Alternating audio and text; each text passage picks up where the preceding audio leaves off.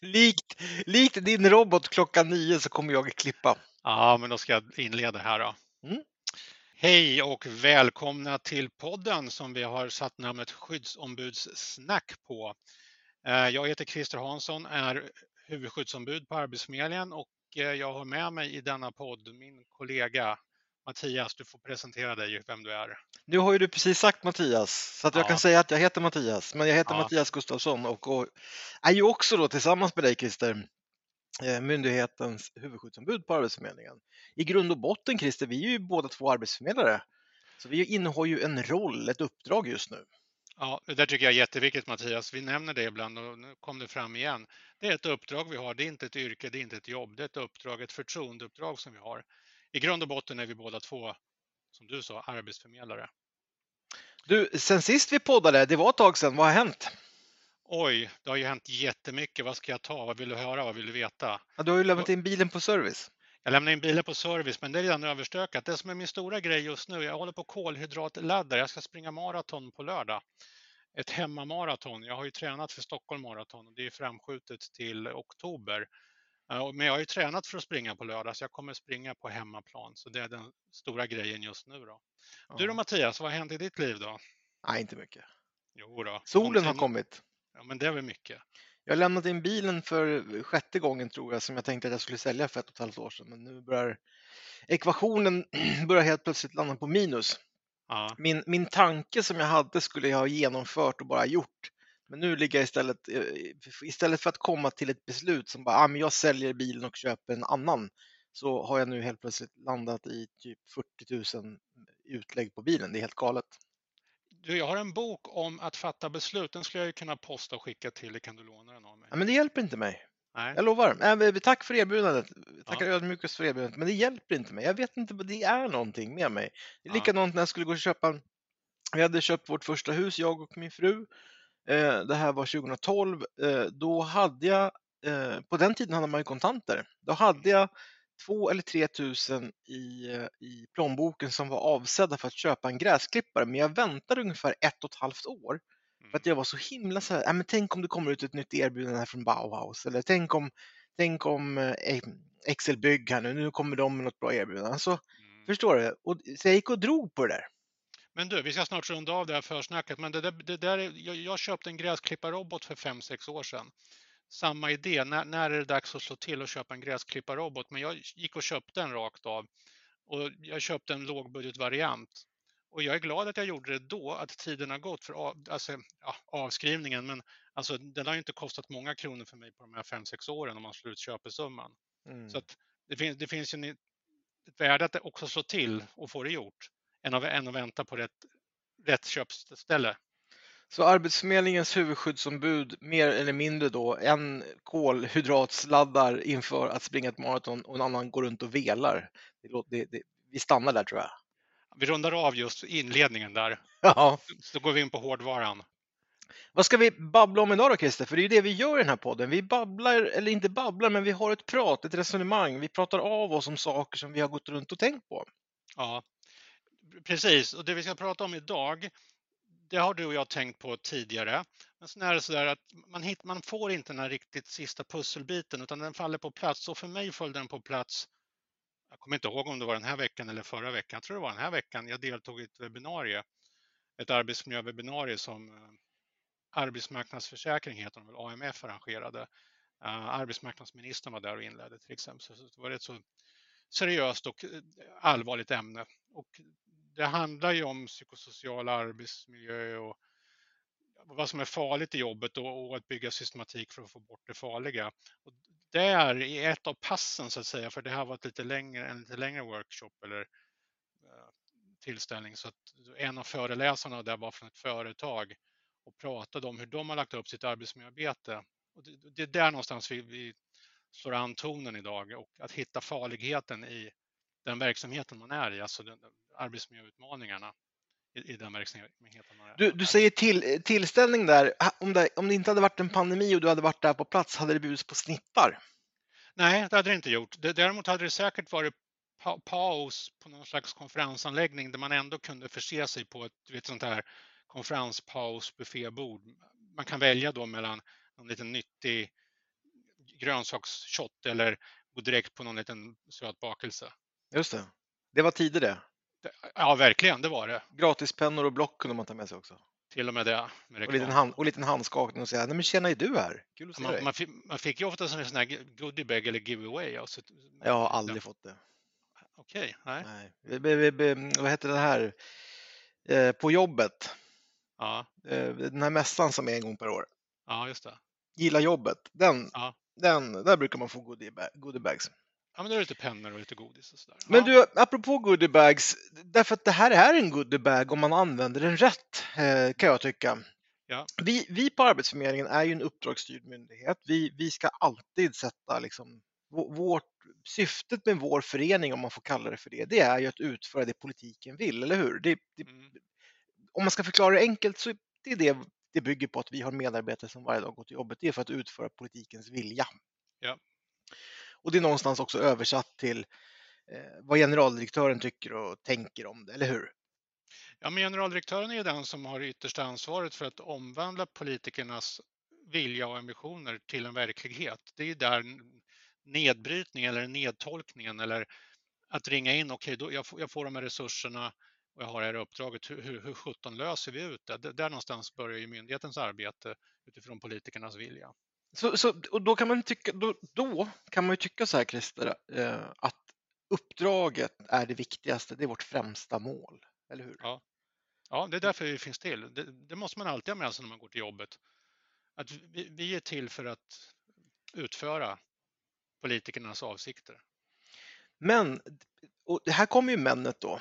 Eh, det man skulle behöva vända och vrida på lite grann, det är ju så här att för att det här uppdraget ska kunna utföras så eh, krävs det 2021 eh, fortsatt människor för att utföra det uppdraget.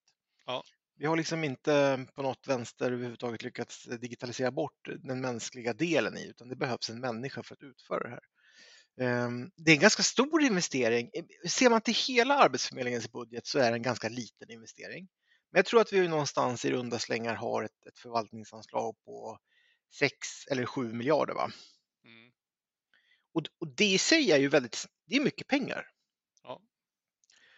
Och skulle man tänka sig att ett privat företag hade 6 eller 7 miljarder investerat i någonting, då skulle man ju tänka sig att det företaget skulle vilja vårda eh, de här, den här investeringen som det trots allt är att betala ut en lön för att man har kompetens på plats, för det är därför man har människorna där.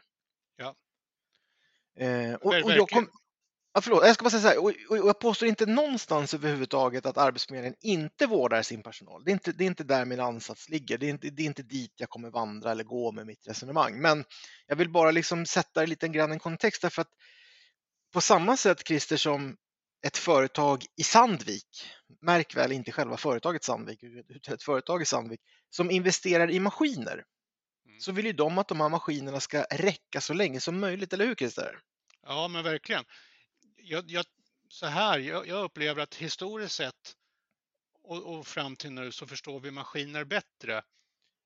Vi har ingenjörer som, som vet hur de här maskinerna ska byggas, hur de ska servas, hur de ska smörjas, hur man byter reservdelar, hur mycket kapacitet man kan köra dem på utan att de blir för varma och går sönder. Alltså det är vi jätteduktiga på. Uh, och det, därför har väl tillverkningsindustrin varit väldigt framgångsrik och är ju fortfarande därför att vi är måna om våra dyra maskiner och vet hur vi ska sköta dem. Men när vi glider över från den här klassiska tillverkningsindustrin till att bli ett tjänsteleveranssamhälle, du är inne på det Mattias, det är ju människorna som utför det. Vi säger ibland att människan är en maskin, motsvarande maskiner, men det, det, jag tycker inte det är en schysst jämförelse, men människan är utföraren. Man borde ha samma idé om att då, då behöver vi vara kunniga om hur en människa fungerar, vad en människa behöver, hur hårt kan man pressa en människa, vad ligger det ideala värdet så att säga mellan återhämtning och ansträngning och allt det där på, på samma idé som om maskinerna. Men sen skulle jag också vilja bygga på ditt perspektiv Mattias om själva kostnaden och vara rädd, rädd om värdet så att säga. Det, det är också att om, om inte människorna kommer till jobbet, spelar ingen roll hur vi kommer till jobbet och var vi utför, men om, om, samtliga medarbetare på Arbetsförmedlingen en vacker dag sätter sig ner med armarna i kors och inte gör någonting. Men tänk på effekterna, alltså det kommer inte bli någonting producerat och det är fortfarande människan som är utföraren. Och det, det vi har mellan öronen, hjärnan, det är, det är ett otroligt viktigt kapital för Arbetsförmedlingen. Alla hjärnor man har valt att samla ihop för att tänka, agera och utföra. Ja men bra, för, och då skruvar vi lite grann till på det, därför då skulle vi kunna säga så här att Tänk om eh, ett produktionsföretag, alltså låt säga Volvo, Tänk om en av deras linor där de producerar bilar, en av maskinerna där helt plötsligt slutar att fungera. Mm. Eh, jag tror, jag har ingen aning, men jag skulle tro att Volvo skulle göra allt i sin makt för att få den här maskinen att börja fungera igen. Ja. Därför att det är så kostsamt att ha den här linan stå, stå still. Mm. Eh, och, och, jag tror också att den här maskinen genomgår minst service en gång per år, om inte mer. Ja. Man vårdar och tar hand om den här maskinen. Mm. Jag kan hålla med dig om att jämförelsen maskin-människa, den, den blir lite tokig. Men för att sätta det i sitt sammanhang, vad bägge två gör, så är det ju någonting, alltså det handlar om produktion, det handlar om att producera saker. Ja. Och, och, tänker man då hur mycket, som du sa innan här, hur mycket, hur mycket mer vi vet om maskinen kontra vad vi vet om människan, så bör man, tycker jag, hamna i ett läge innan vi pratar någonting om verksamheten, hur mår våra människor? Ja. Det, vi borde hamna där tycker jag. Ja. ja, vi måste hamna där säger jag då. Ja, då använder jag ett mer tydligt språk. Vi måste hamna där. Det, du pratar om Sandvik och Sandvik, det finns ett företag som heter Sandvik, men det finns en ort som heter Sandviken. Jag fick höra en representant från ett företag som finns på orten Sandviken det var ett produktionsbolag, det var, det var en tillverk, ett tillverkande företag. Nu, nu, kommer vi in till själva kärnan då i, i den här podden. De hade en sån tillverkning, en sån produktion som kunde vara fysiskt farlig för medarbetarna. Eh, och därför hade de ett väldigt högt säkerhetstänk. Och deras arbetsmiljöarbete, det systematiska, var ju mycket ett säkerhetsarbete så att ingen skulle bli skadad eh, på den här arbetsplatsen. Och de hade ju infört alla deras möten i det här företaget. Oavsett varför de valde att boka ett möte och ämnet så hade de alltid som första punkt safety först. Man skulle kunna omvandla det till arbetsmiljö först, då, men i deras sammanhang safety först, alltså säkerheten först. Är det någonting vi behöver prata om, säkerheten för våra medarbetare, så mån var man om att medarbetarna inte skulle fara illa eh, på, på det här företaget. Alltså men, det, det, det, man är mån om människan och man är mån om, om produktionen. Ja, men du, om man spinner vidare där då, för, för om vi tänker så här, själva idén med ett privat företag, det är ju någonstans att tjäna pengar. Mm. Du börjar med mindre pengar för att sen kunna få det kapitalet att väx, växa. Du kommer aldrig kunna bli framgångsrik om du går minus i ett företag. Mm. Eh, inte på sikt i alla fall. Eh, så, så, jag tänker någonstans Christer, även om jag inte har en aning, men jag skulle kunna tänka mig att orsaken till att de här människorna väljer att tänka safety first, vad finns det för risker för våra medarbetare? Så absolut så är det ju medmänskliga. Vi vill ju inte att någon ska råka illa ut på vår arbetsplats. Det, det är liksom, ja men den är inbyggd i oss människor. Vi, vi är inte eh, sadister på det sättet. Mm. Men kraftig tvåa där, det är ju för att om någonting skulle hända med våra medarbetare så skulle vår produktion hämmas. Ja, verkligen. Det som var intressant att lyssna på det här föredraget, där det både var en arbetsgivarrepresentant och sen huvudskyddsombudet på företaget, för de hade ju gjort det här arbetet tillsammans och kommit fram till bland annat safety först på alla möten. Det, det, det var ju liksom um, det, det, alltså de hade ringat in, de hade identifierat vad är farligt hos oss. Det där, där min pusselbit rabblade ner. Du och jag har varit på det här många, många gånger förut Mattias, men då fick jag den sista pusselbiten. Alltså, vi på Arbetsförmedlingen måste ringa in vad som är farligt hos oss. Vi har inte de här farliga maskinerna och därför är det så lätt att säga vi har ingenting som är farligt hos oss.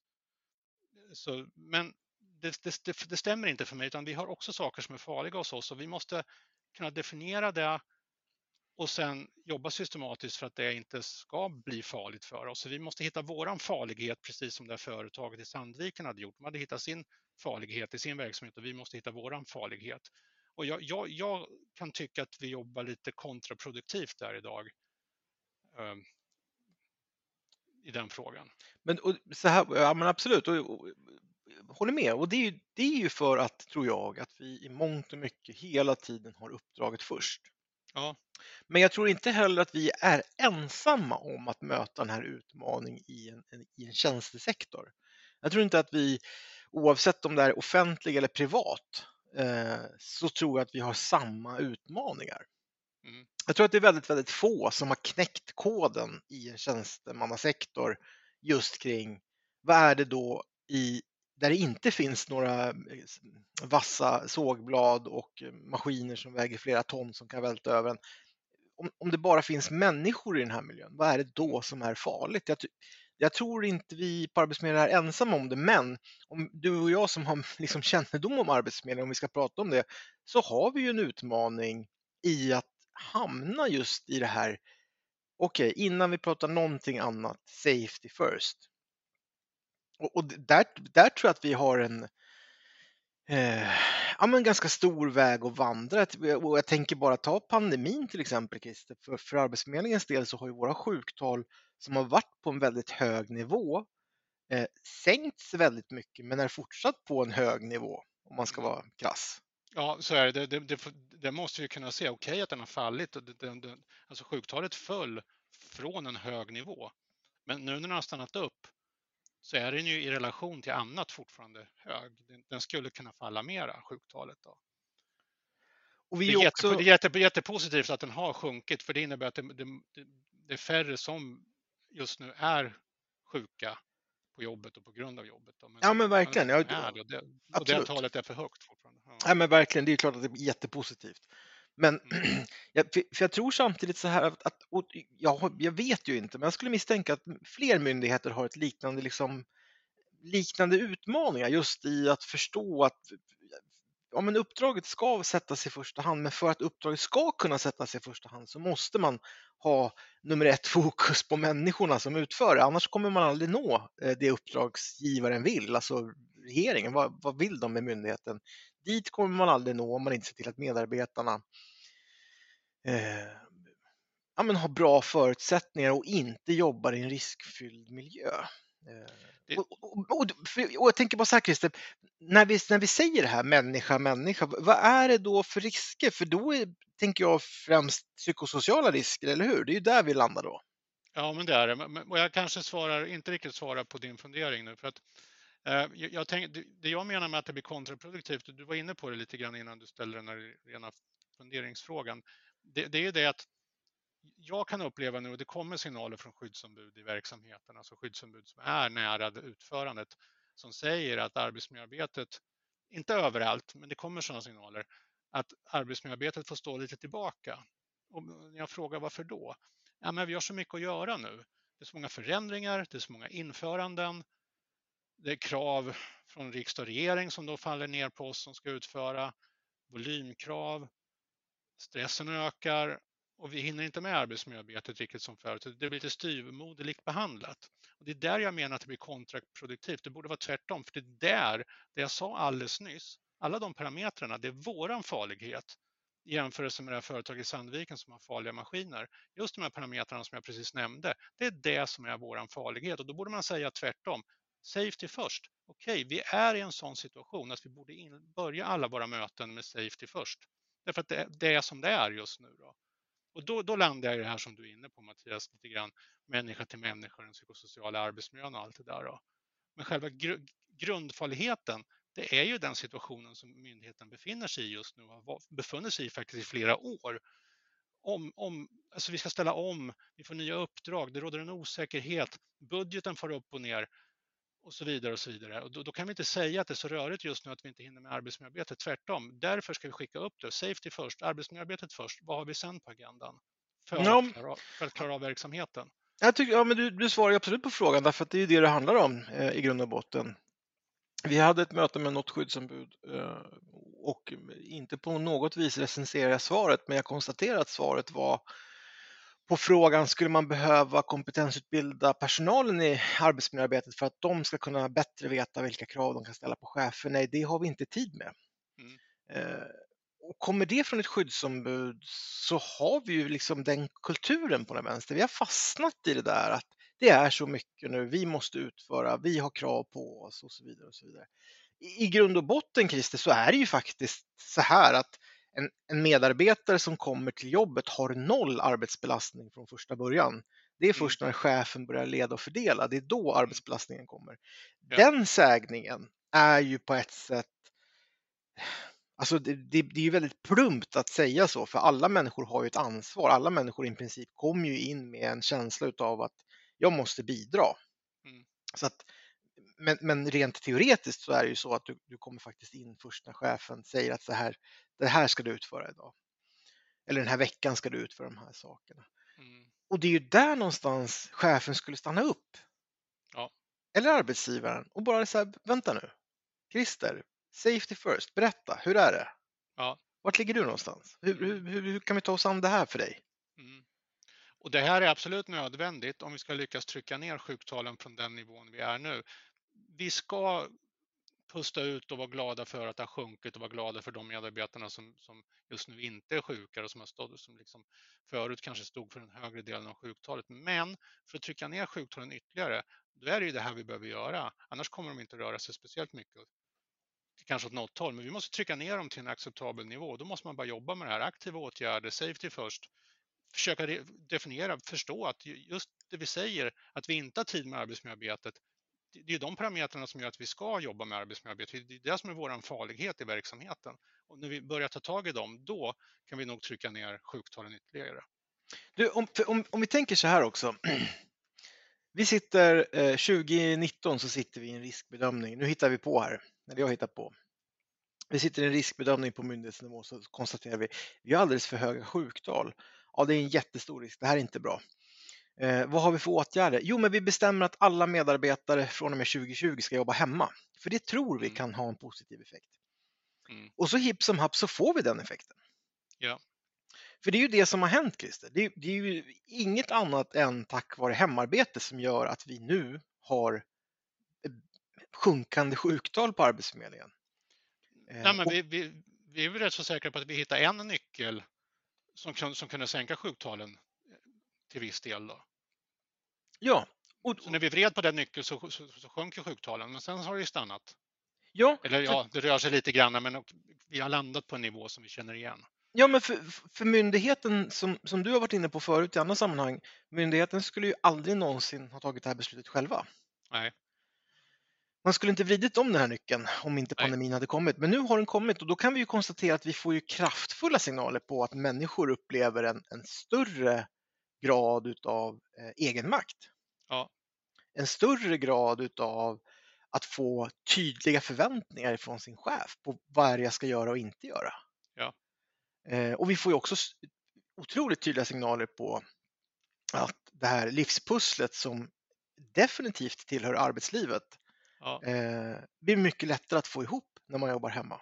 Ja, och jag tror att själva, om jag ska hitta en essens i varför vi får den här goda effekten, det är absolut det du säger Mattias, inget snack om den saken, men ska jag hitta en grundessens, en hisspitch, om någon frågar mig, kille på 30 sekunder, berätta varför vi får den här effekten, så är det för att den, det här sättet att jobba på passar en stor majoritet av våra anställda som är välutbildade, är vana att ta eget ansvar, går att lita på, känner en, en plikt och en lust till sitt uppdrag och sitt jobb och kan, kan jobba under eget ansvar. Jag, jag, tror vi hittade en form som passar majoriteten av våra medarbetare väldigt väl också. Om jag bara på 30 sekunder ska förklara. Sen, sen om jag får mer tid, då lägger jag in de här parametrarna som du nämnde Mattias, för de hör också till. Ja men verkligen. Och, och, och, någonstans i det där också så är det ju, eh, tror jag Christer, eh, Alltså den här perspektivet utav att vi har ju rena och skära eh, organisatoriska och sociala åtgärder som har blivit dittvingade tack vare pandemin och som ger stora effekter.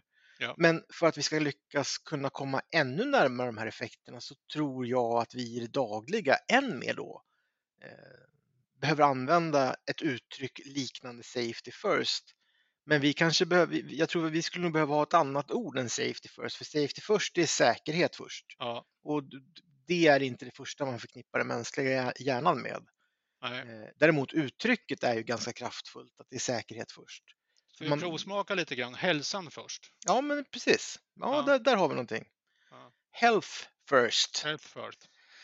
Eh, men, och, och, och, kan man komma i det läget, och vi ska väl säga så här också, du och jag är ju skyddsombud och vi, vi, vi utgår ju från liksom, den arbetsmiljömässiga delen, men, men jag skulle nog, alltså ja, att inte fler civilekonomer och börshajar liksom värderar det här arbetet högre för att förstå att då får man också ut en högre produktion. För det är ju det jag tror blir slutsatsen eh, ja. utav det. Om man tar hand om människan i första hand, då kommer uppdraget, utan att man ens behöver säga det, bli nummer ett. Ja, absolut. Vi, du och jag använder ju ofta sådana här begreppet, tesen, har man verksamhet har man arbetsmiljö. De kommer inte undan det. Så de, de är i symbios med varandra. Det, tyvärr så har det blivit så att man kan dela upp de här två. Det skulle ju finnas något nytt ord för de här två, verksamhet och arbetsmiljö, så att man fattar att det hänger ihop. Det här som du säger, effekten av det ena ger goda effekter på det andra. Du, avslutningsvis, jag tycker att vi ska trycka ännu mer på just det här eh, när man har som mest att göra, då är det, det är då det här är som viktigast. Jag tycker, ja. det, jag tycker det är liksom, är det någonting vi ska, du och jag ska trumma vidare på eh, under 2021 så är det ju den delen att vi, vi kan aldrig, vi kan ha för mycket att göra, vi ska omhänderta det, men vi måste alltid utgå ifrån i vår första dialog, liksom vad, ja men hälsan först, berätta, hur är det? Ja, min, min tes är, jag vill sträcka det till 2026 då, målbild 2026, då måste vi ha health first om vi ska klara det. Just det, Arbetsförmedlingens strategiska inriktning som sträcker ja. sig till 2026. Mm. För, det, det här hänger, för det, jag tänker också att det här hänger ihop lite grann med det vi har poddat om innan och det är ju den här den gyllene frågan som chefen kan ställa till sin medarbetare. Hur mår du idag? Ja. Den hur mår du idag-frågan, den är ju lika med hälsa först-fråga. Ja, så enkelt är det ju, men den måste vara på riktigt också. Ja, verkligen. verkligen. Och, man måste ta hand om svaret framför allt. Ja, verkligen. Det är ungefär som att man skulle, det här företaget i Sandviken skulle fråga eh, Safety first, ja maskinen där nere den står och sprutar olja, det, det verkar inte vara något bra. Nej okej, okay, då går vi vidare. Ja. Det går ju inte bara att efterfråga någonting, man måste ju åtgärda det också. Ja, precis. Jag tror att man, i det mötet så sätter man en åtgärdsplan innan man går in på punkt nummer två, vad det månne vara för någonting. Och kanske till och med innan man går in på arbetet. Ja, visst. Eh, du, jag känner mig nöjd med att, att vi lyfter det vi ville lyfta. Jag kan inte komma på någonting annat som jag skulle vilja få sagt i ämnet. Har du någonting annat du skulle vilja få sagt i ämnet? Nej, jag känner mig också väldigt nöjd med resonemanget vi hade och vad vi kom fram till. För vi hade en idé om det här med Safety First och försöka applicera, att applicera det på vår verksamhet. Och jag, tyck, jag tycker vi lyckas med det. Nu får vi se de som lyssnar om de begriper vad vi pratar om, men det hoppas jag att de gör. Ja, men du, då säger vi så. Ja, det gör vi. Tack. Tack.